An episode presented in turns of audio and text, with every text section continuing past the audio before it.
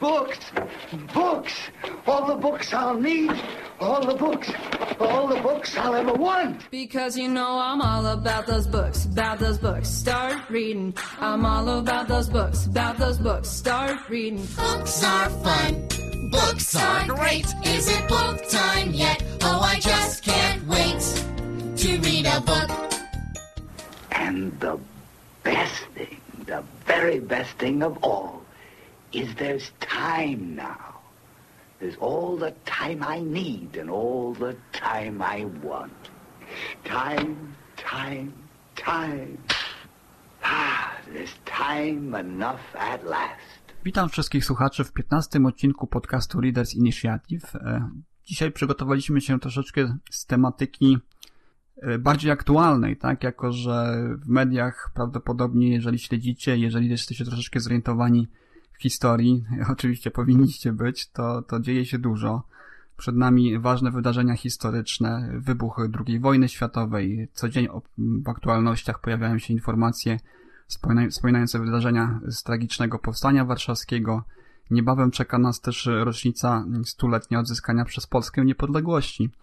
Dlatego też postanowiliśmy dzisiaj sięgnąć e, do książek związanych właśnie z tematyką e, wojny, okupacji, powstania warszawskiego też, żeby troszeczkę przybliżyć Wam pozycje, które są, które są ciekawe, które opisują te wydarzenia może nieco innego punktu widzenia niż, niż to, co wiecie, co, co znacie.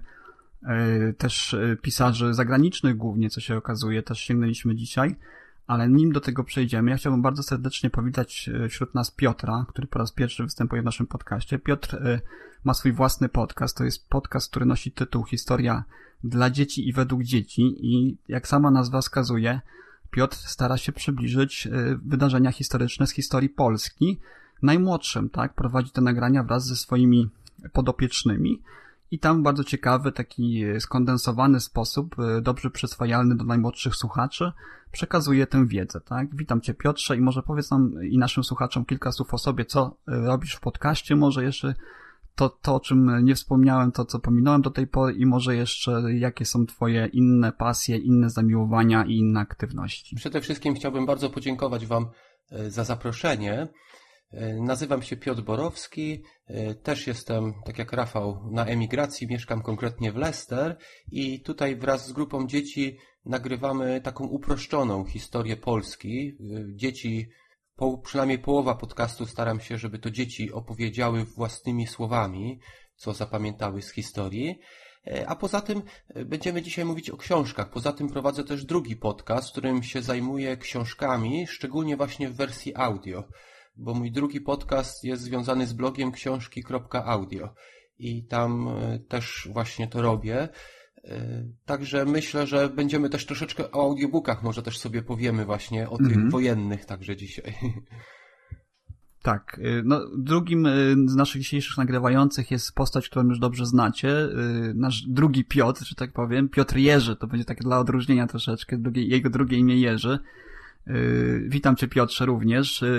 Zaprosiłem Cię dlatego głównie, że czytałeś tę samą książkę, którą ja, którą ja Ci zarekomendowałem i gorąco gorąco polecałem, więc y, może już przechodząc do samego nagrania, przejdziemy bezpośrednio do tej książki, tak? Y, to jest książka autorstwa kanadyjskiej profesor i pisarki Aleksandry Ricci. Y, ja jeszcze zanim do, do, samej książki przejdziemy, kilka takich słów, takie, takie moje spostrzeżenie, nie wiem czy się ze mną y, zgodzicie panowie zauważyłem takie dość spore zainteresowanie, już abstrahując od e, zainteresowania pisarzy, którzy robią to już od długiego czasu, e, pisarzy zachodnich głównie, tak?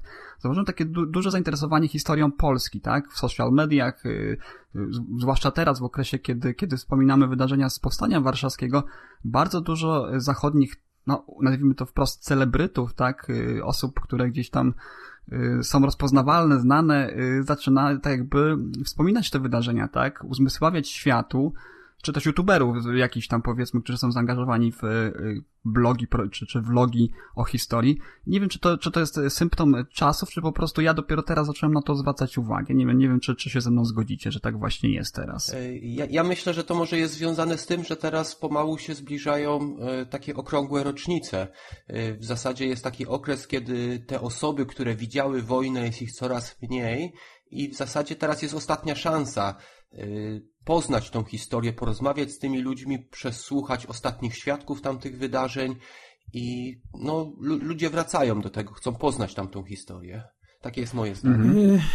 To ja się zgodzę i nie zgodzę. To znaczy, bo mm, jak już wspomniałeś na początku audycji, e, jesteście poza granicami kraju, natomiast ja jestem na miejscu i mamy troszkę być może inną optykę patrzenia na pewne, na pewne sprawy. E, Rafale, powiedziałeś, że mm, Zachód się interesuje, tak? Tylko ja chciałem się e, dopytać, czy on interesuje się w cudzysłowie dobrze, bo nasza historyczna polityka ostatnich lat jest po prostu fatalna i, i, i wybacz, sam, sam wywołałeś ten temat i, i do tego trzeba nawiązać. Czy, czy widziałeś, jak tylko powiedziałeś o tym, że, że się interesuje Zachód naszą historią, od razu mi się przypomniało to, co się stało kilka dni temu, czyli w, o spocie Fundacji Narodowej z, z, z Liamem Nisonem. Widziałeś no tak, no chyba każdy go widział na, na Facebooku, no z, du, z dumą wszyscy czy to, czy to o to, udostępniają. No, nie, mhm. czy to, nie tylko Liam Neeson, to, tak? To ja widziałem chodziło? spot też Mike'a Tysona, tak? Ja też widziałem wcześniej, tak? Mhm. No, o nie, mój Boże, myślałem, że o tym nie będziemy rozmawiać, ale to musiało wypłynąć, prawda? No ja odbieram to mimo e. wszystko bardzo pozytywnie, już odcinając się od całej polityki, od intencji, tak, twórców, wiesz, y, tu już nie chodzi o to. Znaczy, po prostu... to są dwie różne, dwie różne rzeczy, mm. bo mhm. akurat, akurat spot z, z, uważam e, bardzo, bardzo fajny, bo to jest, to było z okazji 98. Mm, rocznicy Bitwy Warszawskiej, prawda? I to był spot, y, moim zdaniem udany bardzo, no i aktor powiem tak, postać godna, która mogłaby jako, jako ambasador takiej mm, e, popkulturowej historii Polski, która przemawia do, do, do osób z Zachodu, bo tylko, moim zdaniem, tylko w taki sposób można y, do takich ludzi na Zachodzie dotrzeć, których, że tak naprawdę o Polsce wiedzą niewiele. I to, i ten spot jest ok. Natomiast ten drugi, o którym wspomniałeś, czyli y, z Mike'em Tysonem, no niestety to, to było przykre, wiesz. Mhm. Znaczy, ja, ja, no wiesz, ja się z tym nie zgadzam. Znaczy, odczułem w tym materiale z Mike'em Tysonem już kończąc tę tematykę, myślę, że nie będziemy mm -hmm. na razie do tej polityki wracać, bo, bo tej zgodnie, zgodnie z drugim Piotrem stwierdziliśmy, że my raczej od polityki się odcinamy, tak, sięgając po te źródła jednak Y, sam wspomniałeś o optyce, tak? Optyka właśnie pisarzy zachodnich jest zupełnie inna, tak? Też gdzieś y, oni starają się być, być może dużo, dużo bardziej obiektywni. Są pozbawieni, są pozbawieni pewnej bogojczyźnianego takiego zacięcia, wiesz, które niestety zawsze się ujawnia. No być może też, no. wiesz, ale, ale ja, ja też wrócę do, do tego w, przypadku innej kwestii jeszcze, w przypadku też innej książki o Dywizjonie 303, gdzie znowu ta próba odcięcia się, tak, i, i w jakiś stopniu gloryfikacji Y, no troszeczkę za, zakrzywia, tak? Zakrzywia ten wizerunek, który może też wpłynąć na, na tę taką no, historyczną prawdę, którą, którą można to, zawrzeć to prawda, w książce. To prawda. Ale y, ko kończąc to wszystko już, no, no ja mimo wszystko się cieszę, tak? Mimo wszystko się cieszę i tutaj też takim, już przechodząc do Aleksandry Liczy, moim takim y, poczuciem niejako misji jest po, po lekturze tej książki to, że bardzo się cieszę, że ona powstała, została napisana w języku angielskim, bo, bo ja powiedziałem sobie, że od tej pory wszystkim moim angielskim przyjaciołom, będę po prostu tę książkę e, kupował w języku angielskim przy okazji różnych okoliczności, więc, więc to się, to, to, to po prostu, że jest ta misja ta, może, może, może ewangelizacja to będzie zbyt słabe słowo, ale warto, żeby ktoś przypominał, zwłaszcza, że też będę chciał do tego troszeczkę nawiązać później, że, że dość szybko się nastroje opinii publicznej, jeżeli chodzi o nasz udział w wypadkach, y, od, począwszy od, od właśnie odzyskania niepodległości poprzez II wojnę światową i okresu po wojnie, dość szybko się opinie, w opinii społecznej y, zachodniej się nasza, no, opinia nasza Polaków zmieniała, tak, sposób patrzenia na nas, no z powodu też, też różnego rodzaju wykorzystywania środków no propagandy.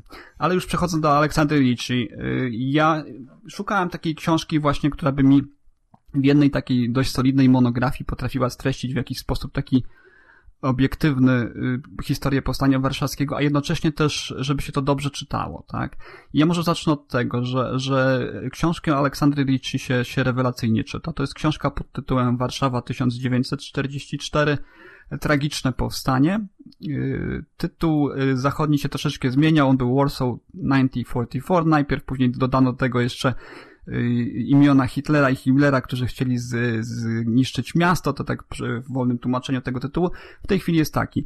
y, bardzo mi się podoba narracja w tej książce, bo mimo z tego, że, że ona jest, y, opiera się w dużej mierze oczywiście, no bo nie dałoby się inaczej na, na, na dokumentach, tak, na zeznaniach świadków z tego okresu, którzy, tak jak wspomniałeś już, y, no ostatni świadkowie, niech im Bóg da, niech żyją jak najdłużej, ale no czasu nie da się zatrzymać i coraz mniej jest tych ludzi, którzy mogą świadczyć, tak, tak. osobiście o tym, co Tutaj się jeśli, działo. Jeśli, jeśli mhm. pozwolisz, to taki mały, mały wtręt i ciekawostka dla osób, które chcą się zainteresować tą książką, chciałyby przeczytać.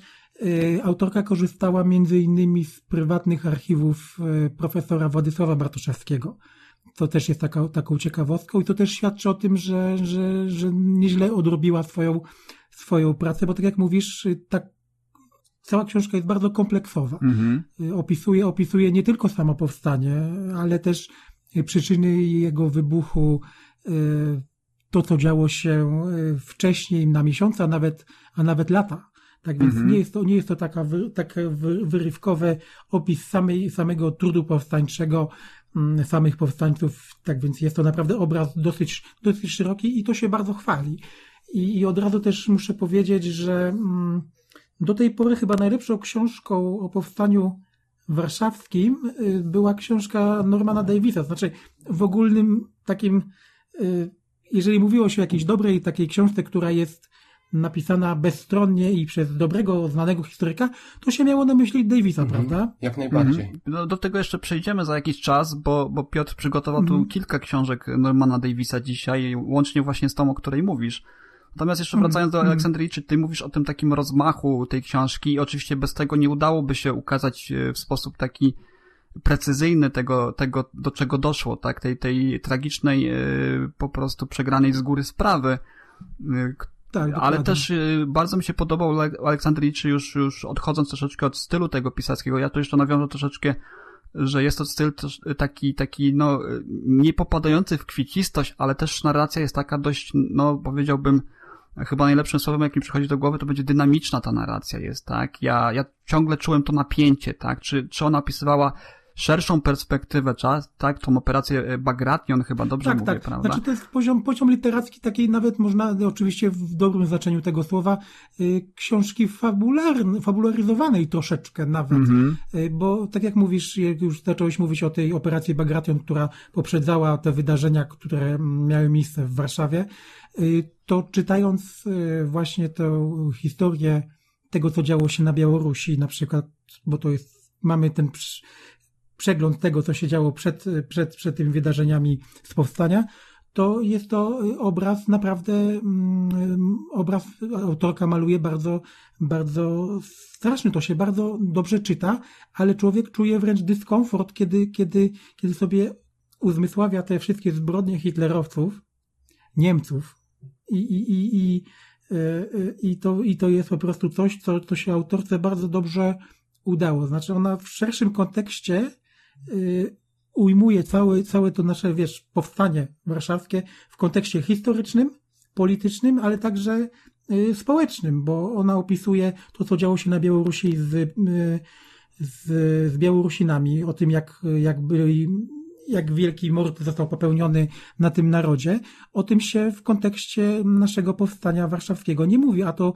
to właśnie poprzedzało, można powiedzieć, że, że Białoruś była taką, takim Y, poligonem doświadczalnym przed tymi strasznymi wydarzeniami, które miały miejsce w naszej, w naszej stolicy. No ale oddaję, oddaję Ci głos. No, ja uważam nawet, że bez opisania tych wydarzeń w Białorusi i udziału tam y, w nich y, katów powstania, tak, tak, to obraz byłby niepełny. Byłby niepewny, i... niepełny, tak, ponieważ tak, mamy tutaj tak. bardzo mocne, ciekawie zarysowane, głębokie wręcz, można powiedzieć, portrety psychologiczne tych, tych osób, tych, tych, tych morderców.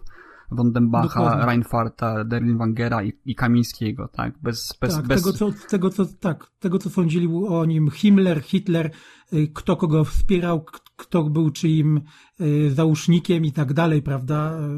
Mhm. Tak więc to też jest bardzo ważne i powiem szczerze, że z tym się spotkałem po raz pierwszy, to znaczy nikt wcześniej tak dogłębnie się tym nie interesował.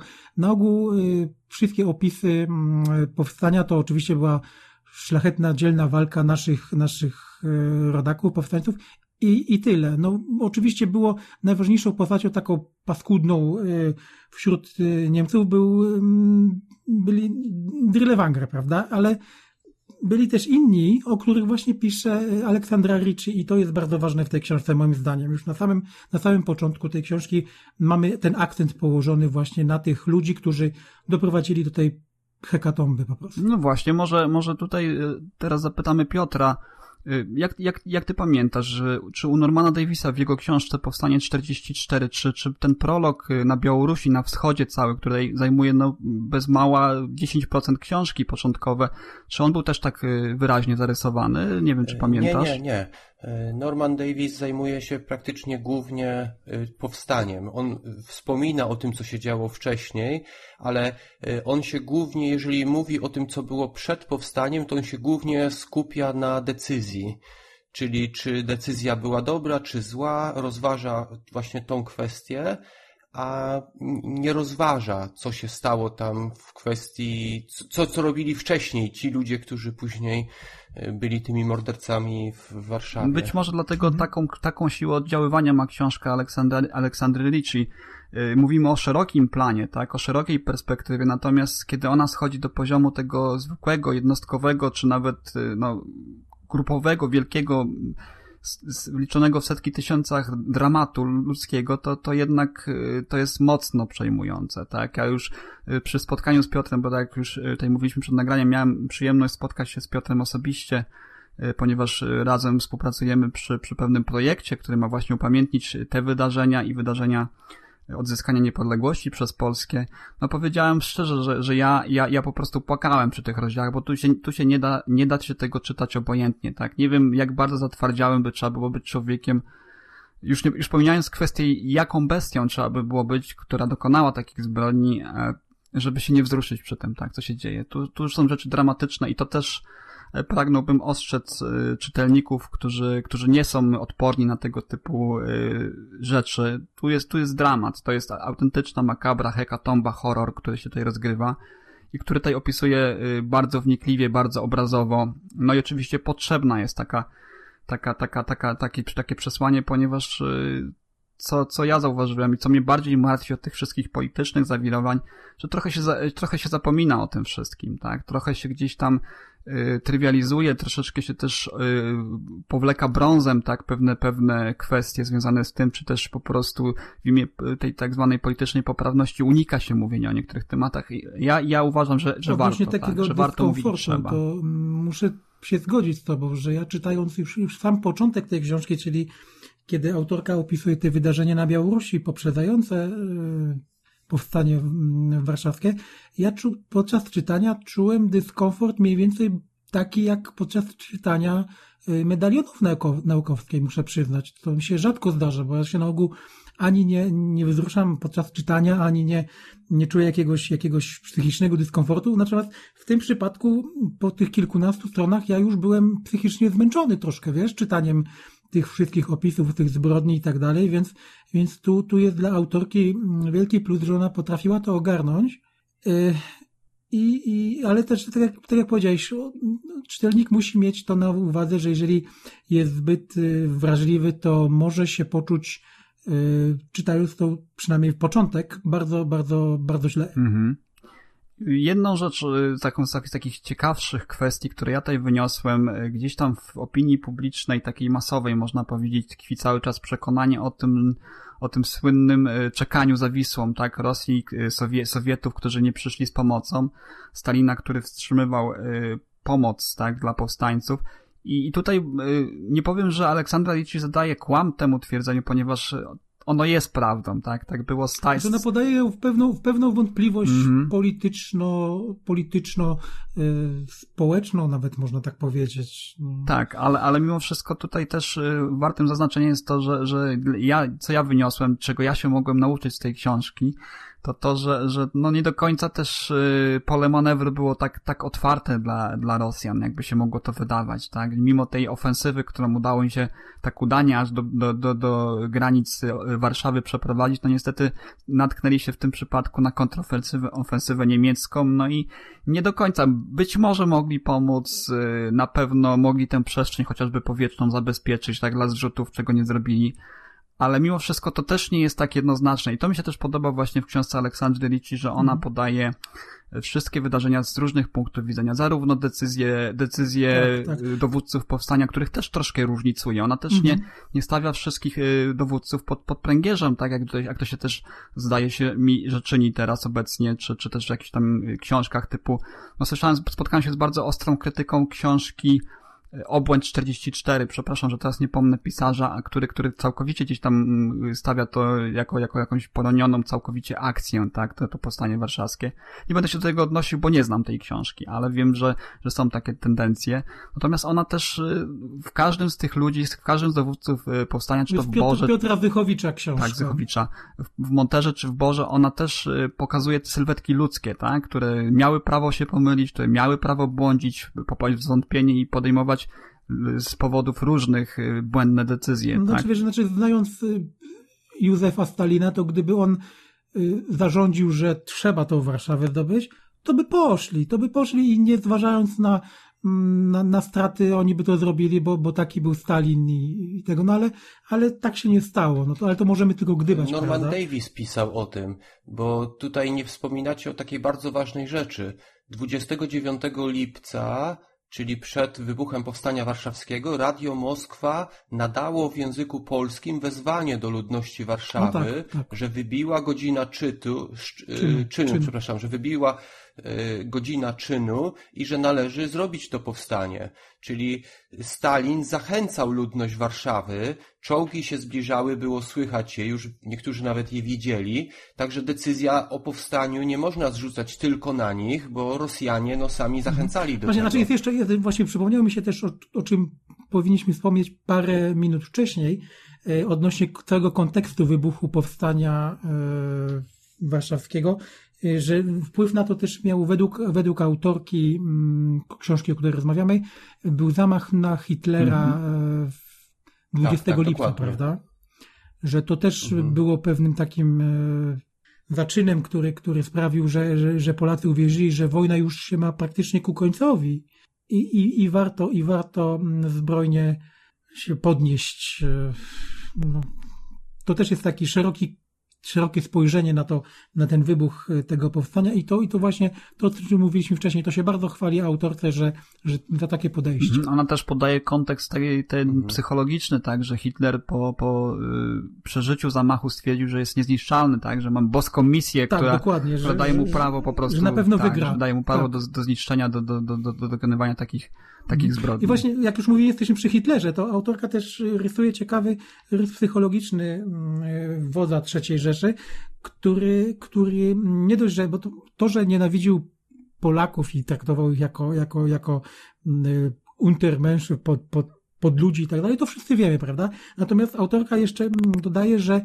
y, Adolf Hitler y, jeszcze bardziej nienawidził samej, samej Warszawy i warszawiaków. Po prostu uważał polską stolicę, że należy ją zrównać całkowicie z ziemią i na jej miejsce wysiedlić, wysiedlić ludność, wymordować y, i na jej na miejscu mm, dawnej stolicy Polski powinno powstać y, tak zwane nowe, nowe niemieckie miasto z ludnością napływową, m, bodajże nie większą niż 80 tysięcy, tak żeby to było takie na, na wschodnich rubieżach mm, III Rzeszy, y, takie pokazowe miasto y, hitlerowskie. No tak to, tak, tak, tak to sobie wyobrażał w swoim, w swoim y, umyśle. No tak więc to też jest taka ciekawa, ciekawa, ciekawa kwestia, którą autorka podnosi. Tak, tak.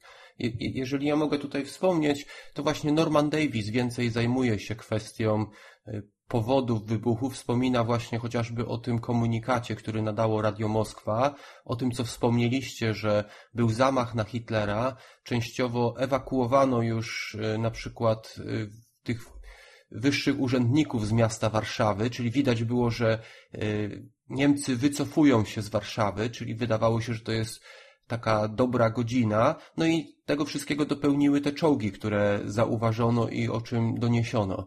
I jeszcze jedna jest taka kwestia, yy, o której mówi Davis, że yy, powstańcy, że młodzi warszawiacy do tego stopnia chcieli zrobić coś, że powstanie być może wybuchłoby samoczynnie, gdyby dowództwo nic nie zrobiło, że młodzi ludzie sami by wyszli, bo tam była jeszcze taka dodatkowa rzecz, że 27 lipca Niemcy zrobili coś w rodzaju branki, postanowili wziąć wszystkich młodych ludzi do kopania okopów.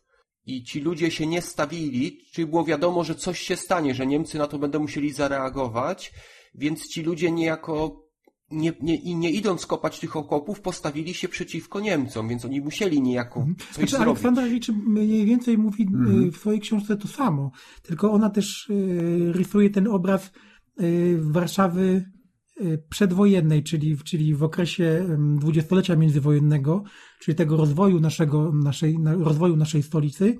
I ona stawia też taką tezę, co, się, co jest, y, zgadza się w stu procentach y, z tym, co mm, napisał Davis, że to pokolenie, y, które wyrosło w tym dwudziestoleciu międzywojennym, czyli tak zwane pokolenie Kolumbów, ono i tak poszłoby się bić z Niemcami, ponieważ ci ludzie, ci młodzi ludzie czuli się okradzeni z marzeń, y, z życia i z tego wszystkiego przez to tłamszenie, przez ten, to okupacja niemiecka była w Warszawy, była, mm, bądźmy szczerzy, była wyjątkowa, jak na, nawet jak na, na, na tle mm, innych miast y, dawnej, da, dawnej Polski. Na przykład w porównaniu do Krakowa to jest niebo, nie, niebo a ziemia, prawda?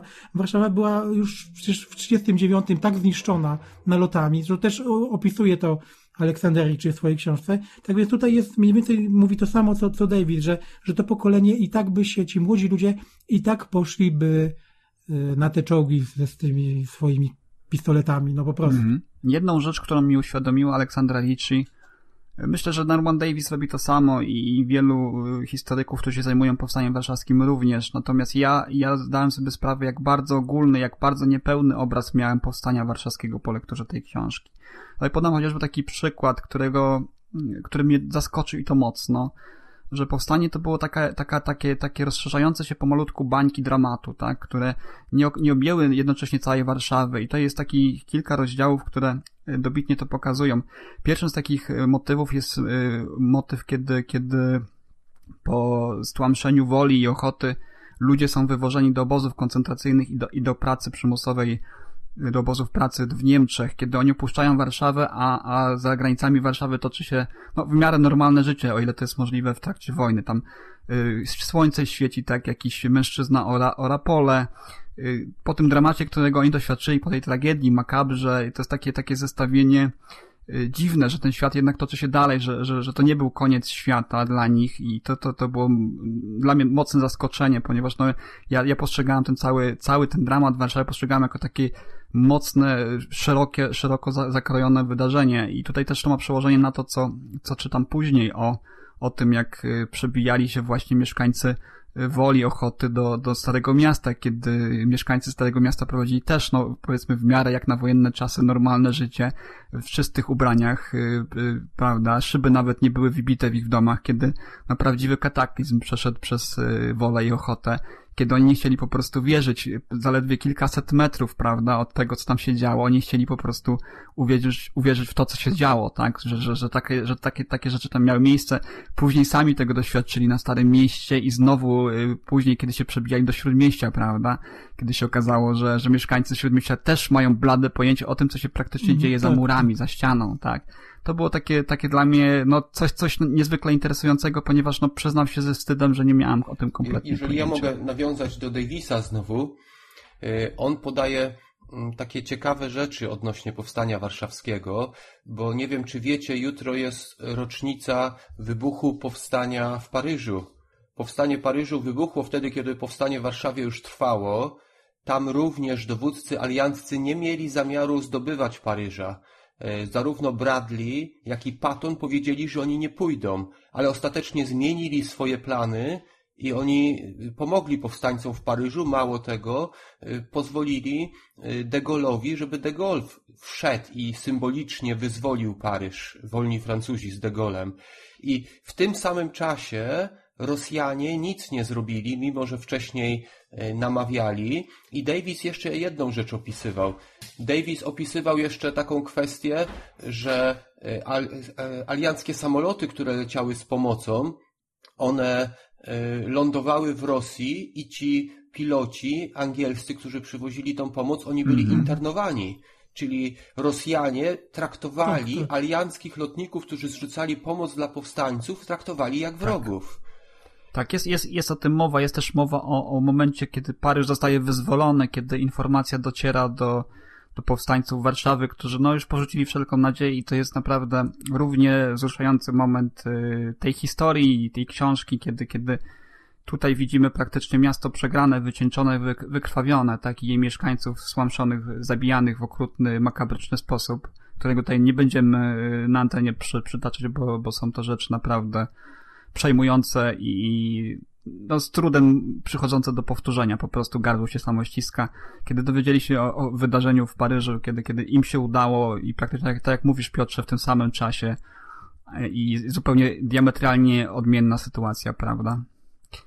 No dobrze, może, może tym, tym zakończymy książkę o, o powstaniu Aleksandry Ricci, omówienie tej książki. Gorąco polecam, naprawdę. Jeżeli jest jedna książka, którą byście chcieli przeczytać, na którą mielibyście czas swoich zabieganym życiu i chcielibyście po, poznać tę historię troszeczkę lepiej, to ja, ja polecam y, oczywiście Aleksandry Ricci, y, y, Warszawa 1944, Tragiczne Powstanie. Oczywiście też polecam książkę Davisa, tej jak jak widzimy z tego, co mówił Piotr, te rzeczy się gdzieś tam powtarzają, w jakimś stopniu uzupełniają, więc gdybyście mieli przeczytać jeszcze jedną książkę, to zdecydowanie też, też Davis. Są to dwie, dwie no, dość solidne monografie, które moim zdaniem łącznie, łącznie ten temat wyczerpują, no i dostarczają masy, masy do informacji, które no warto zachować w pamięci i przekazywać potomnym, tak? Tak, tak, ja też polecam, bo jest książka obiektywna, dobrze napisana.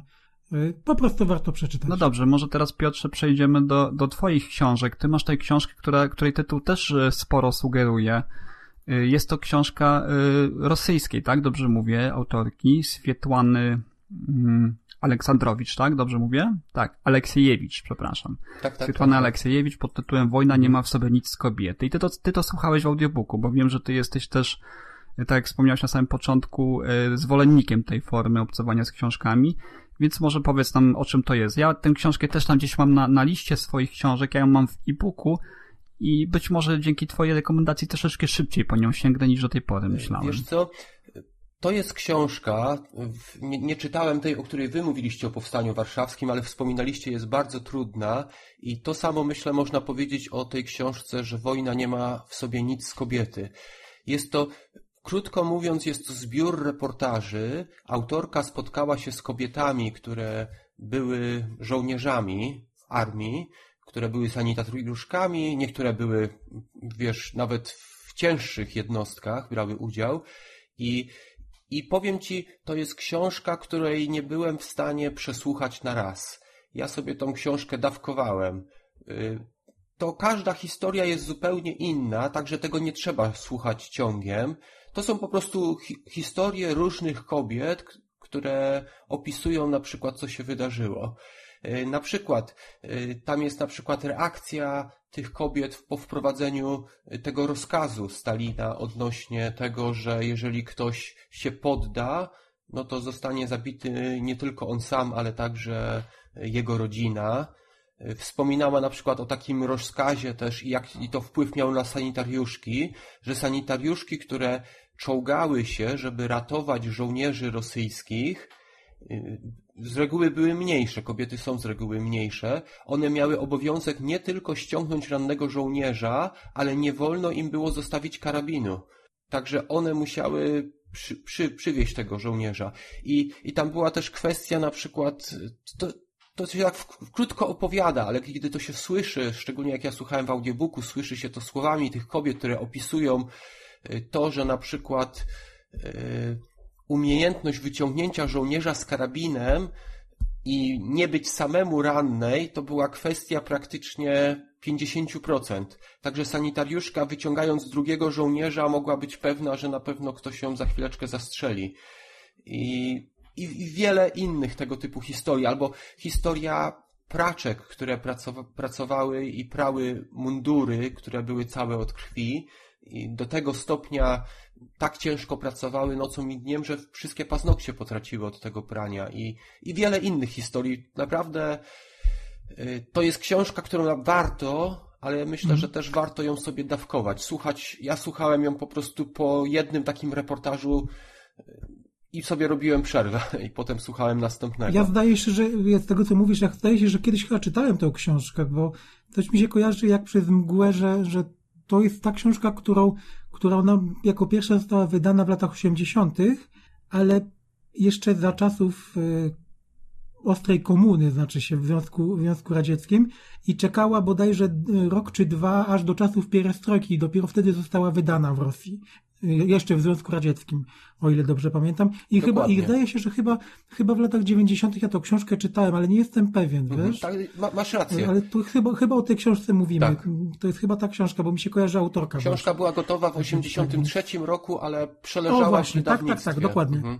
Bo ją oskarżano o tak, pacyfizm tak, bo autorkę... i... Mhm, mhm, tak, tak. Dokładnie to jest ta książka właśnie. Tak, rzeczywiście, ja też polecam, mimo że dawno czytałem, ale, y, ale tu też takie wstrząsające wrażenie mm, robiło, bo jest bardzo autentyczna, tak jak mówisz. To znaczy nie ma, nie ma jakiegoś takiego y, zadęcia, y, heroizmu takiego typowego dla, no wiadomo, jakie to były czasy, prawda, kiedy ta książka była napisana. To, to po prostu relacje, relacje osób, które widziały to na własne oczy, tak więc, mhm, tak. To jest właśnie to. A jeżeli mogę wspomnieć o kwestii wersji mhm. audiobookowej, to żeby zachęcić, może to czyta Krystyna Czubówna i naprawdę świetnie oddaje, naprawdę jakby się słuchało tych kobiet. Jakby się słuchało wywiadu, to, to tak to brzmi. To jest książka, która, która dotyczy tylko kobiet służących w armii e, sowieckiej, tak, radzieckiej, dokładnie, tak, rosyjskiej. Dokładnie. Dokładnie. Ale one są, mhm. każda kobieta jest inna. One naprawdę były w różnych okresach i miały różne stanowiska, od dowódczych poprzez zwykłe. One były i żołnierzami, i sanitariuszkami, czyli praktycznie jest przekrój całej armii rosyjskiej i różnych kobiet na różnych, różnych miejscach. Także można poznać historię z punktu widzenia właśnie tych kobiet. A także dużo wspominają o tym, jak były traktowane po wojnie, bo po wojnie te kobiety y, były traktowane gorzej niż mężczyźni. Mężczyzn uważano za bohaterów, a kobietę, która, która była na wojnie, często traktowano jak, jakby, jakby była prostytutką, czyli te kobiety bardzo często się nie przyznawały w ogóle do tego, że one były na wojnie, żeby na przykład znaleźć sobie męża później. No tak. Że bardzo trudna sytuacja była nie tylko podczas wojny, ale także później. No, dla, ksi książka kobiet. się ukazała, najnowsze jej wydanie to jest nakładem wydawnictwa Czarne w serii reportaż. No dla niektórych to już jest samo sobie rekomendacją y, wydawnictwo Czarne właśnie y, przoduje w wydawaniu dobrych, dobrze napisanych reportaży, no i to już, to już jest niejako takim symptomem tego, że i jeszcze dodając do tego to, to co mówi, że, że jest to na pewno e, wartościowa lektura. Mhm. Dokładnie. Troszeczkę przechodząc do, może powiedzieć, e, bardziej pozytywnych, przynajmniej początkowo rzeczy, to ja bym chciał też poruszyć tutaj taką książeczkę, to będzie ostatnia dzisiaj z moich książek, które, które ja e, przeczytałem w ostatnim czasie. To jest książka, która ma dość długi tytuł, E, nazywa się Sprawa Honoru Dywizjon 303 Kościuszkowski Zapomniani bohaterowie II wojny światowej. I znowu, chcąc taką mieć, jak to już na samym początku drugi z Piotrów powiedział, inną optykę na te wydarzenia, bo, bo książek o dywizjonie 303 no powstała cała masa, tak? To, to trzeba powiedzieć. Tutaj mamy dwójkę, a właściwie parę e, pi pisarzy amerykańskich, e, kobiety Lynn Olson i Stanley Cloud się nazywają, którzy wyszli z planem napisania gdzieś, mając jakieś powiedzmy tam e, szczątkowe czy, czy niepełne informacje na temat udziału polskich lotników w okresie II wojny światowej w służbach aliantów, w, służbie, w, no, w wojskach alianckich, postanowili napisać sobie taką książkę, która będzie takim, no powiedzmy, dynamiczną y, reportażem, takim y, awanturniczym, przygodowym y, reportażem, ale kiedy, kiedy zaczęli się zagłębiać w tę historię, okazało się, że no jest to dramat też spory, tak, ponieważ no my wszyscy wiemy, w jaki sposób zostali potraktowani polscy lotnicy po, po skończeniu wojny, ich, ich udział, jak został, no w cudzysłowie, nagrodzony, tutaj wspomnę o słynnej paradzie zwycięstwa, którą nasi, niektórzy z naszych lotników, którzy przetrwali wojnę, musieli obserwować z krawężników e, ulic, prawda, kiedy inni paradowali. No, były to wydarzenia polityka znowu, tak, której chcieliśmy uniknąć w tym, w tym odcinku, ale niestety wraca. No i, i tak się, tak się stało. I sięgając, zgłębiając te wszystkie archiwa, akta tej twórcy stwierdzili, że nie da się opisać tego w ten sposób, tak? To, to nie jest dobry materiał do powieści przygodowej, dlatego też postanowili przy, przy swojej książce yy, szerzej, tak, to opisać. I tutaj ten kontekst jest, powiedziałbym, równie szeroki jak w przypadku Aleksandry Ricci, ponieważ, no, sięgają tutaj aż do okresu y, odzyskania przez Polskę niepodległości, tak, w którym, w którym to okresie Y, o czym właśnie tutaj bardzo ładnie twórcy piszą, y, do, do czego nawiązują, też brali amerykańscy lotnicy, no, którzy tak jakby stali, prawda, za stworzeniem dywizjonu 303, tak, y, którzy pomagali w trakcie bitwy warszawskiej. No i jest tu ten szerszy rys, tak, no jako, że pisali dla amerykańskiego odbiorcy głównie, zachodniego odbiorcy, no nie udało się też uniknąć pewnych takich rzeczy, o których my, Polacy, uczący się historii wiemy, tak, wiedzieliśmy, ale na szczęście piszą w tej książce na tyle ciekawie, że, że no, z przyjemnością się to czyta, tak? Jest ten konieczne tło, y, które, które tutaj trzeba y, mieć, żeby po prostu zrozumieć wydarzenia, jeżeli się nie jest no, Polakiem, jeżeli się nie zgłębiało historii Polski od, od, od dziecka. No i wydaje mi się, że bardzo ładnie przedstawiają to amerykańskiemu i zachodniemu odbiorcy. Tutaj takim y, wyznacznikiem tego, jaki sukces, można powiedzieć, książka odniosła gdzieś na zachodzie, jest w przedmowie samej wspomniany fajny fragment, który mnie bardzo ujął, że jeden z czytelników e, tej książki napisał do autorów e-mail, w którym napisał po prostu, że po przeczytaniu tej książki już nigdy więcej w życiu nie powie dowcipu o Polakach, nie? Mhm. Więc tu jest taki, taki, taki fajny smaczek, e, który też no, niejako nakreśla wartość tej książki, że po przeczytaniu jej zmienia się też sposób patrzenia, tak? Na nas, na to, E, na to, co, co, do, czego dokonaliśmy w trakcie II wojny światowej. A wracając do tej kwestii awanturniczej, no powiem szczerze, że kiedy twórcy schodzą właśnie do tego poziomu, powiedzmy, opisywania przygód, perypetii, podbojów e, podniebnych i pod, podbojów też e, no, sercowych naszych pilotów, tutaj też taki fajny fragment wspomnę, który mnie też tak urzekł, że jedna, jedna pani z, z jednego gimnazjum angielskiego w trakcie II wojny światowej maturzystką swoim powiedziała, żeby wychodząc znaczy ze szkoły, żeby w nowym, na nowej drodze życia, tak, w dorosłości unikali, unikały, przepraszam, dżinu i polskich lotników. Więc y, takie, takie sympatyczne kwestie są, które też y, gdzieś tam, kiedy schodzą właśnie do tego poziomu twórcy tej książki, Y, tego, tego ludzkiego typowo, tak, opisują postaci, to, to są postaci z krwi i kości, tak, na, na kartach tej książki, tak, czy to jest Witold Turbanowicz, czy, czy Jan Zumbach, tak, wszyscy ci wspaniali mężczyźni w tych e, latających maszynach, którzy tyle zrobili dla aliantów, powstrzymując, no, w zasadzie w znacznym stopniu inwazję na, na, na, na Wielką Brytanię, y, oni są tak świetnie opisani, ich przygody, ich perypetie, tak, ich ucieczka z Polski, ich y, chwile zwątpienia, te smutne chwile, kiedy no przyszło się niestety zmierzyć z tym, jak Zachód potraktował ich, kiedy trzeba było niestety zawrzeć pakt ze Stalinem, tak? To ten, ten mariaż niestety przykry dla Polski, który się okazał tak, tak, tak nieszczęśliwy i dla naszych lotników, i, i dla, dla samego naszego kraju. Więc to jest bardzo fajna książka, którą, znowu, to jest jedna z tych pozycji, którą ja będę rekomendował też tutaj moim znajomym angielskim, anglojęzycznym, żeby sobie przeczytali, żeby też zrozumieli troszeczkę y, naszą postawę nas, nas, nas, nas Polaków, no, która została bardzo, bardzo zakłamana i to już w okresie wojny, o czym tutaj bardzo też fajnie twórcy piszą, gdzie propaganda została wprawiona w ruch y, w, w Londynie, w Ameryce, gdzie no, w zasadzie na przestrzeni kilku dni y, piloci polscy z bohaterów, tak, z herosów, wręcz z celebrytów można powiedzieć, przekształci, przekształcili się w opinii publicznej w persona non grata, pieniaczy, yy, pretensjonalnych ludzi, którzy czegoś wymagają, którzy niepotrzebnie sieją ferment, tak? Tak się szybko obróciła opinia publiczna.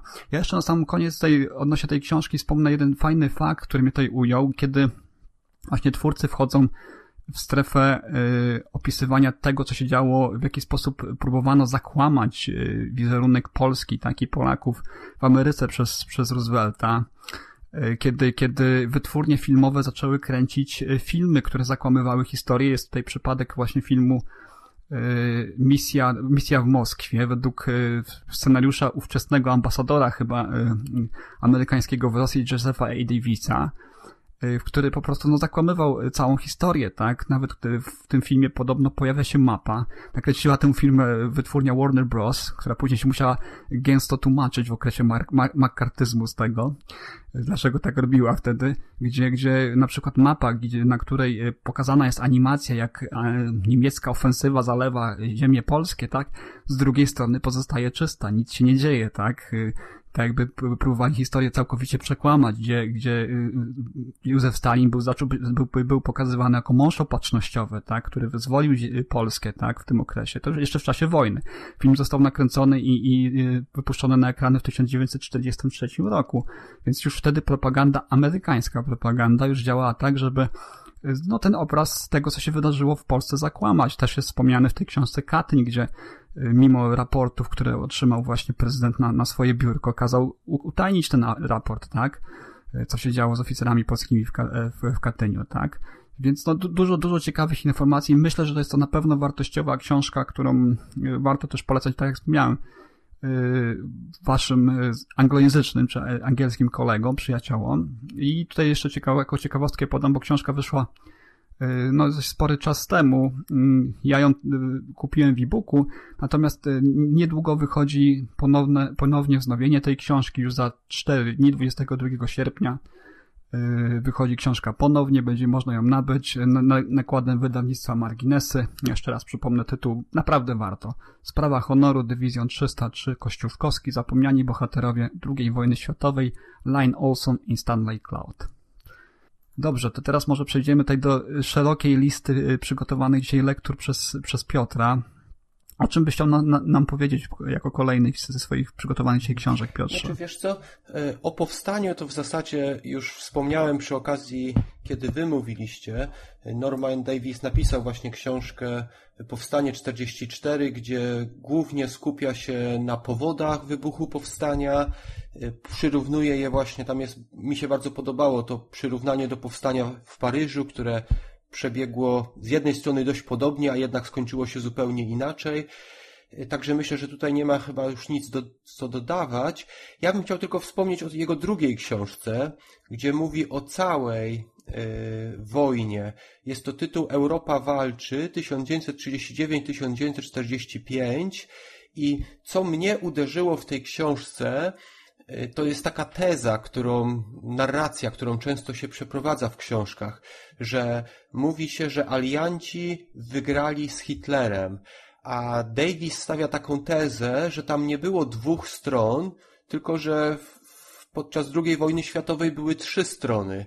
I po prostu w pewnym momencie najpierw Hitler ze Stalinem, czyli dwie strony walczyły przeciwko trzeciej, a potem z kolei, kiedy Hitler zaczął walczyć ze Stalinem, to z kolei Stalin połączył się z zachodnimi aliantami. Czyli zawsze były te trzy strony i zawsze y, ten układ był dwóch na jednego i mm, to dla mnie było takie może świeże, odkrywcze podejście do tego. Myślę, że y, warto tam zobaczyć. Davis, on ma taką umiejętność. Z jednej strony jest to książka która zawiera praktycznie, można powiedzieć, całą historię II wojny światowej w skondensowanej formie, a z drugiej strony ja u Davisa lubię to, że on umie w taki gawędziarski sposób to przedstawić. To się czyta, to jest książka historyczna, a to się czyta jak powieść. I to, to ja właśnie cenię zawsze u Davisa. Mm -hmm.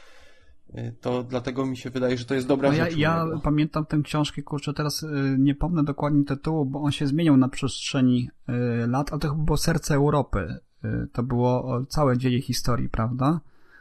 Polskiej, którą streszczał, znaczy... Serce Europy to jest taka to, to jest mhm. skrócona wersja. Y, Serce Europy to jest skrócona wersja historii Polski mhm. dla Anglików. No to pamiętam i przyznam szczerze, że y, dość się mocno zawiodłem, bo, bo y, swego czasu, mówiliśmy troszeczkę o tym przed nagraniem, swego czasu no, taką, taką niejaką narodową dumą nas napawało to, że, że zachodni pisarz, zachodni historyk zajął się, pochylił się nad historią no Polski i on był bardzo mocno reko rekomendowany i wówczas przyznam szczerze, że się odbiłem, bo, bo tak jak mówiłem wcześniej, y, mimo tego, że, że, że on naprawdę ciekawie pisze, to jednak zbyt często moim zdaniem wpadał taki ton y, bardzo podręcznikowej, podręcznikowej narracji. y, czego ja na przykład na przestrzeni całej książki tej Aleksandry nie uświadczyłem, tak? Tak jak wspomniałem, ona, ona trzyma, trzyma czytelnika tak, przy ale jeszcze sobie. jedno odnośnie Davisa, że on szybko stał się takim trochę celebrytą. Był, bardzo, był taki moment, bardzo często był zapraszany do różnych programów telewizyjnych, jako ekspert, jako, jako, w ogóle było go tak wszędzie pełno, że, że nastąpił pewien, moim zdaniem, przesyt tym, tym panem profesorem. Wiecie co, ale jeżeli mówimy o historii Polski, to, bo to, to jest taka skrócona wersja, to jest dla Anglików, to co mówicie Serce Europy, ale on napisał Boże Igrzysko. I to jest historia, to jest taka pełna historia Polski dla Polaków, można powiedzieć bardziej, nie? No tak, tak, Mo, oczywiście. Może w kwestii właśnie tego, bo wy wspomnieliście o tym, y, o książkach przedstawiających historię Polski y, w Europie Zachodniej. Ja chciałbym wspomnieć o takim cyklu wykładów. Y, to jest A History of Eastern Europe i to jest, nie wiem czy dobrze przeczytam nazwiska autora, Viejas Gabriel Liulevicius.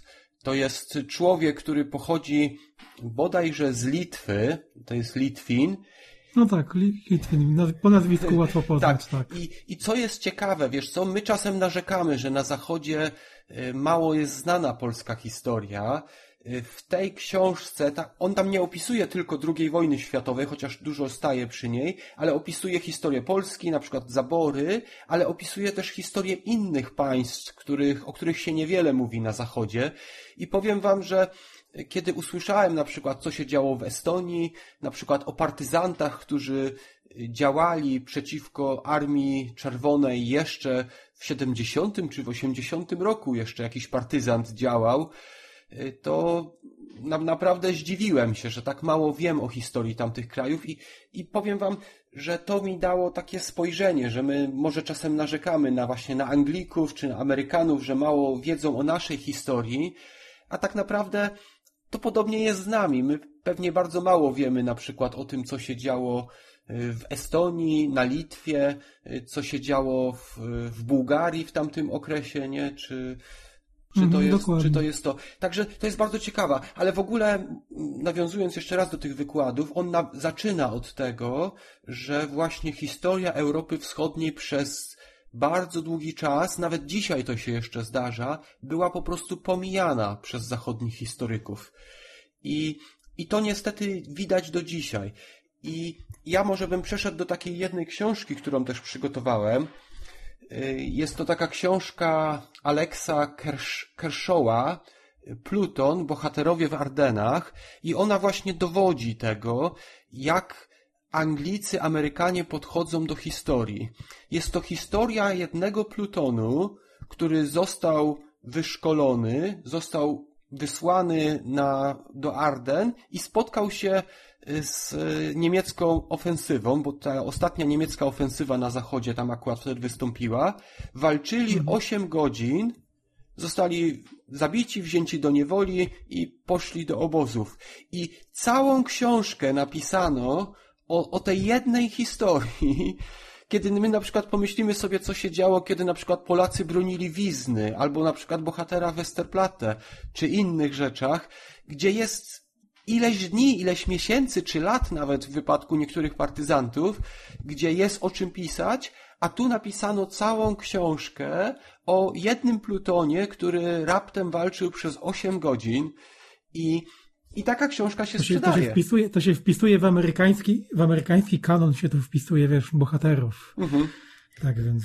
To jest niezwykła to nie historia najbardziej odznaczonego plutonu USA Army. I, i, I to jest, mi się wydaje, podejście właśnie to amerykańskie, że ich nie obchodzą ciekawe historie, naprawdę ciekawe, które się działy. Ważne, żeby tam byli ich ludzie w tych historiach i wtedy nawet mniej ciekawa historia się sprzeda. Niestety tak jest i tak chyba wszyscy tak robią, że dobrze się słucha historii, gdzie nasi są. Chyba tak. tak. Piotrze, jeszcze, jeszcze podesłałeś mi tutaj zdjęcia czterech takich pozycji, o których może skrótowo powiesz, bo one niezwykle ciekawie się prezentują. W, właśnie jedna z nich to był ten Pluton. Powiem wam, że to jest ciekawa historia, bo ci chłopcy, oni w zasadzie zaraz po szkoleniu, to jest pierwsza ich akcja i od razu trafili na ofensywę niemiecką, tylko, że w głowie się rodzi to porównanie, jak to się ma na przykład do bohaterów naszych polskich spodwizny, nijak się ma to, co przeżyli ci, ten Pluton. Także troszeczkę się zawiodłem tą książką. Jest to Alexa Kershawa Pluton. Za to bardzo polecam szczególnie tym, którzy się interesują strategią wojskową.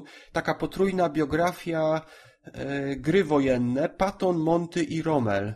Jest to biografia tych trzech generałów, którzy często walczyli ze sobą, a Patton z Montym walczyli może nie dosłownie, ale w paru, pa, parę razy i w Europie, i także jeżeli chodzi o Włochy, oni walczyli w sensie, kto pierwszy będzie w takich rzeczach. I, I to jest naprawdę świetna biografia. Ona opisuje historię tych trzech generałów od, od początku y, aż po, po sam koniec. Y, jak, jak, jak, jak się to skończyło dla nich. I, I może nawiązując jeszcze raz do polskiej historii, nie wiem, czy mieliście okazję czytać książkę Niemca, Johanna Buchlera, Najazd 1939 Niemcy przeciw Polsce. Jest to ciekawa pozycja, bo on opisuje zbrodnie, które popełnili Niemcy. Jest to, mi się wydaje, że o tyle ciekawe, że to Niemiec o tym pisze. I, i on łamie ten stereotyp, że to e, SS-mani, że to SS, czyli czy, czy Gestapo, że to oni zabijali. On tutaj pokazuje, że bardzo często Wehrmacht to robił. I on próbuje dowiedzieć się, dlaczego ci młodzi chłopcy, bo on tam na przykład mówi o wieku tych Niemców, to byli Niemcy w wieku 20-22 lat najczęściej, młodzi, jak to się stało, że do, dochodzi do zbrodni. I tam na przykład opisuje kwestię y, tego, co oni myśleli o Polakach, że na przykład spodziewali się y, takiego oporu, że ktoś będzie do nich strzelał z zawęgła, Czyli te zbrodnie czasami, nie zawsze, czasami były podyktowane po prostu strachem też. Yy, my, myślę, że to jest właśnie ciekawa pozycja, bo tam naprawdę on dokumentuje te zbrodnie, dokładnie je opisuje yy, i, i, i to, to jest Niemiec. Mi się wydaje, że to też dodatkowo mhm. udowadnia. Ale to, to bardzo, bardzo ciekawe, co mówisz, bo generalnie jest taka narracja panuje i to od, yy, od dekad takie przeciwstawienie Wehrmachtu mhm. i SS, to znaczy Wehrmachtu jako, jako po prostu jednostki wojskowej, czyli szlachetnych, e, no w cudzysłowie, Jest prawda, żołnierzy, kontra ci źli, kontra ci źli zdegenerowani mm, SS-mani, prawda? Mhm.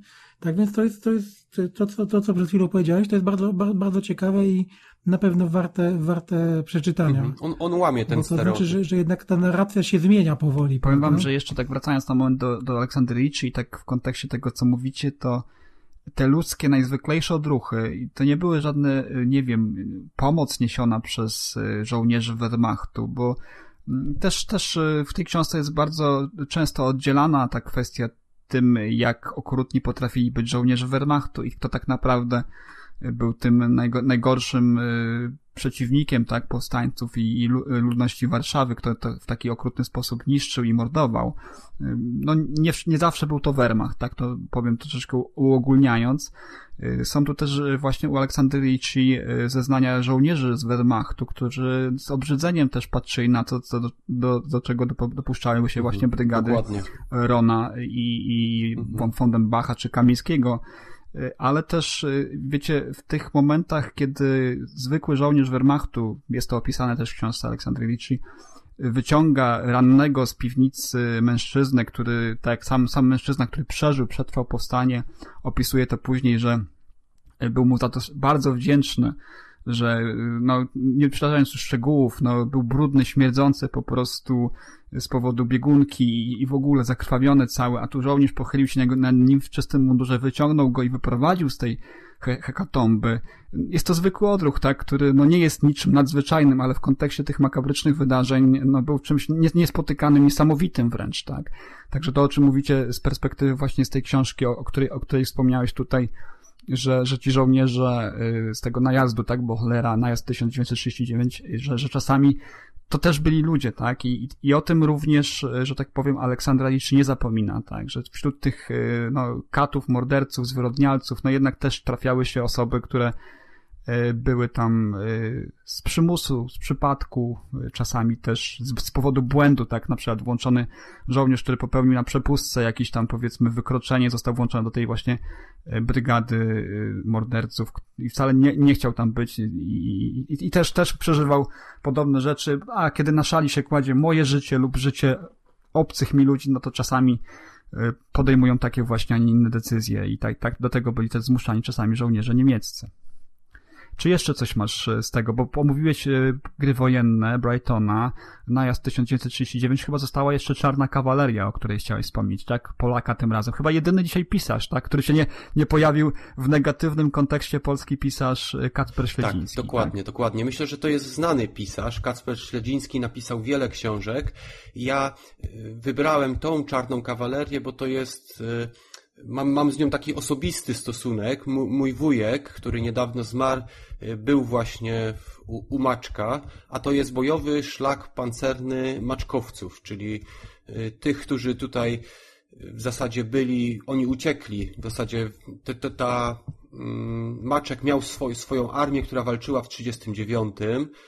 Później oni przeszli, walczyli we Francji, później przez Hiszpanię uciekli do Anglii, w Anglii znowu i później wyzwalali właśnie Belgię i Holandię i tam mój wujek poznał swoją przyszłą żonę i on został w Belgii. Także mm, ja czytałem tą książkę też właśnie pod kątem, mm, żeby dowiedzieć się więcej. Niestety co, co sobie właśnie żałuję, że nie miałem czasu porozmawiać z wujkiem, kiedy jeszcze żył, no ale odległość nas dzieliła.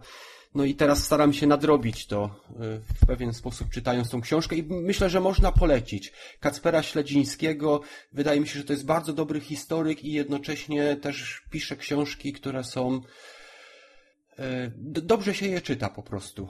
A, a dla mnie ta, szczególnie ta jest, jest, jest bardzo ciekawa. Szczególnie mi się też wydaje, że w Polsce bardzo znany jest Anders, a pod pe pewnym względem wydaje mi się, że Maczek no, może trudno porównywać, ale no, no ja jestem za Maczkiem, nie za Andersem. A powiedz mi, a, a sama książka to czego dotyczy dokładnie? Jakieś y, szczegóły bliższe mógłbyś znaczy, podać? Znaczy to jest, to jest cały bojowy szlak Aha. pancerny maczkowców. Aha. Ja wcześniej kiedyś czytałem książkę generała Maczka, tam jest od podwozy y, do czołga, tak, tak pisownia jest, bo mhm. tak tak wtedy wymawiano czołga, nie czołgu, jakbyśmy dzisiaj powiedzieli, mm.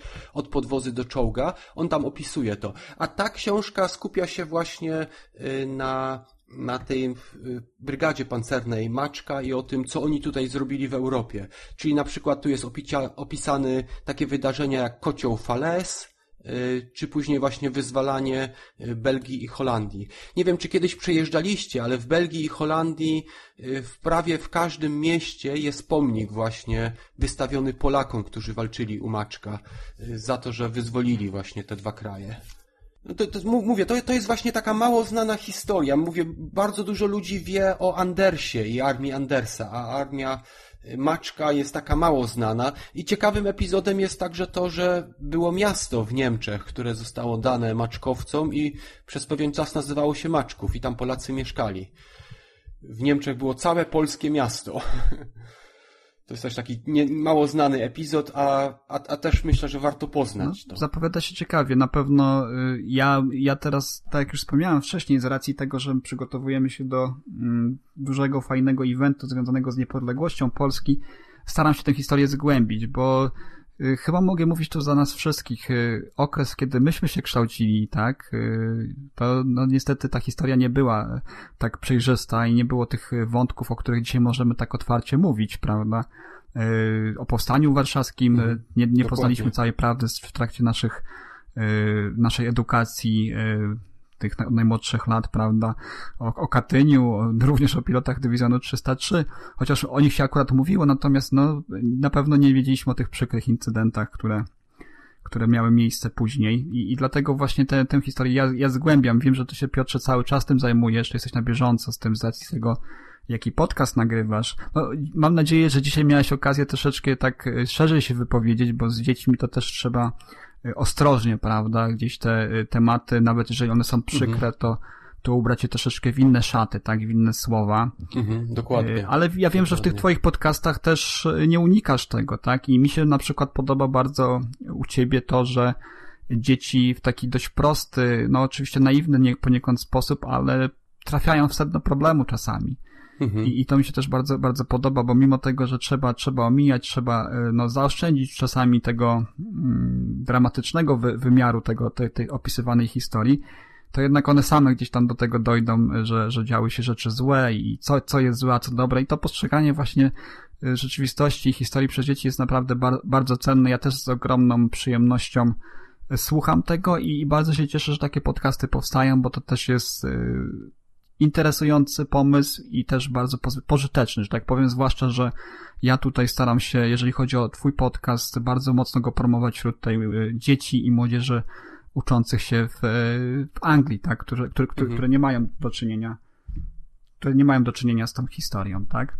Dobrze, będziemy pomalutku kończyć już może na dzisiaj. Ja, ja dalej zgłębiam e, historię, ja dalej e, uczę się.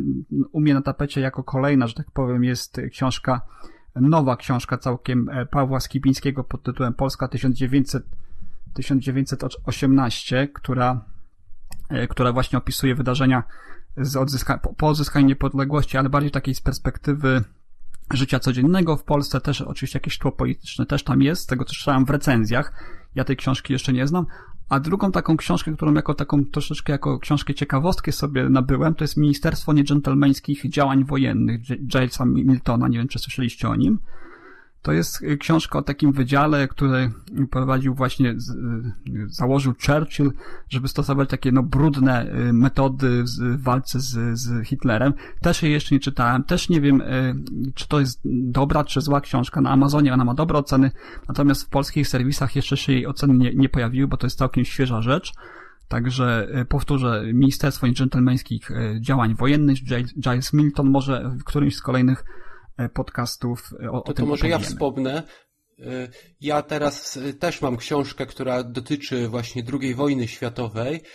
Jest to taki historyk, który robi szczególnie historię starożytną. E, Amerykanin Victor David Hanson. I on napisał właśnie teraz książkę The Second World Wars. Tam jest liczba mnoga. Bo on z kolei traktuje II wojnę światową nie jako jeden konflikt, tylko jako dwa jakby osobne konflikty. Bo na przykład dowodzi tego, że na przykład y, Japończycy z Niemcami praktycznie nie współpracowali. Bo kiedy Hitler zawarł pokój z Japonią, z, z, z Rosją, to akurat Japonia walczyła. A kiedy z kolei Hitler zaatakował Rosję, to akurat Japonia zawarła pokój, nie? Także on to, i podobno bardzo ciekawa książka jest, także ja to czekam właśnie na audiobooka i nie chcę żaden wyjść, ale to jest mo- moja na pewno następna książka, The Second World Wars y, y, Wiktora Davida Ha- Hansona. Ona wyszła w języku polskim, czy tylko, tylko po angielsku? Tylko po angielsku. Y, Myślę, że po polsku chyba nic z tego autora nie wyszło. On napisał, on jest, napisał dużo świetnych książek o historii starożytnej, szczególnie tej greckiej. Y, Także jeżeli ktoś interesuje się tamtym, to, to jest bardzo dobry historyk, staroży- jeżeli chodzi o starożytną historię. No to ja, ja jeszcze dodam, że ja wracam do fantastyki naukowej na razie po, tych historycznych moich ekscesach, więc... A no właśnie, Piotrze, Piotrze drugi Piotrze, czy ty e, poza książkami historycznymi też masz jakiś swój typ literatury, który, po który sięgasz, tak żeby się odstresować? Tak, tak, tak, tak. Nie ja tylko powiem wam, historię. słuchałem właśnie ostatnio waszego podcastu, w którym mówiliście o Larsonie, o jego cyklu Star, nie pamiętam jak się nazywa ten cykl. Star, Star Force, Star Coś ze Force, Star tak, było. tak, Star to, Force, to tak. kolega Piotr czytał drugi. Mhm. Tak, Star Force. Ja, ja nie słucham tego, ja słucham innego jego cyklu, którego chyba nie ma po polsku. Jest to Undied Mercenaries. Jest to o mm, wynajmowanych, ziemianie są wynajmowani jako siły i mają taką maszynę, która sprawia, że żołnierz, który umarł na polu bitwy może zostać odrodzony, dlatego jest Undying. Sko- skądś to znam, ten, ten motyw. Chyba w filmie był jakiś, y, nie wiem, Edge of Tomorrow, czy coś takiego? Nie, nie, nie pamiętam. Z, z Tomem Cruise. Tak, tak, tak, tak. Tylko tutaj jest, jest kwestia na przykład tego, że są pewne reguły. Nie wolno odtworzyć żołnierza, który jeszcze żyje. Także jeżeli żołnierz zginie w miejscu, gdzie nikt nie wie, że on zginął, no to nie można go odtworzyć. To A to troszeczkę ginie. motyw jak zmodyfikowanego tam- węgla z tymi rdzeniami, że, że nie może istnieć dwóch jedno, jednorazowo tych samych kopii, nie? Os- mm. Tak, tak, tak. Jest, jest to typowe militarne science fiction, ale bardzo dobrze napisane. Jest dziewięć książek. Zacząłem słuchać sam. Ja jestem w tej chwili na drugim tomie już, a mój syn mnie prześcignął, jest już na trzecim tomie. I, I tam jest kwestia, bo każdy tom się dotyczy misji na jakiejś jednej planecie. Tytuły to jest, pierwszy to jest Steelworld, drugi tytuł to jest Dustworld i zawsze jest World w tytule. A mój syn w tej chwili jest, czekaj, na Tech World. Chyba na trzecim tomie. I w każdym razie tam jest kwestia yy, panów galaktyki, którzy rządzą i jeżeli jakieś, jakaś planeta nie jest w stanie niczego dostarczyć, to po prostu ją niszczą. Ziemianie byli w stanie dostarczyć tylko właśnie tych żołnierzy, którzy walczą, ale być może stracą tą licencję. Tak więc ja przypuszczam, że będzie taki wątek, że w którymś momencie będą musieli się zmierzyć e, z tymi panami galaktyki, którzy no, rządzą tym wszystkim i budują reguły, które wszyscy muszą przestrzegać. Bardzo, bardzo mi się podoba. Jeżeli ktoś lubi militarne science fiction, to polecam, nie? Tylko, że z z tego co wiem, tego nie ma po polsku. To jest tylko po angielsku. No, No, my, to my się przygotowujemy do, do zrobienia odcinka o y, Expans, tak, ekspansja. Y, Teraz wyleciał mi z głowy autor, mm, ch- chyba James Corey się chyba nazywa. W każdym Chodzi razie... o ten każ- serial, tak? Na podstawie tak, książki. na Tak. podstawie książki powstał serial całkiem dobry.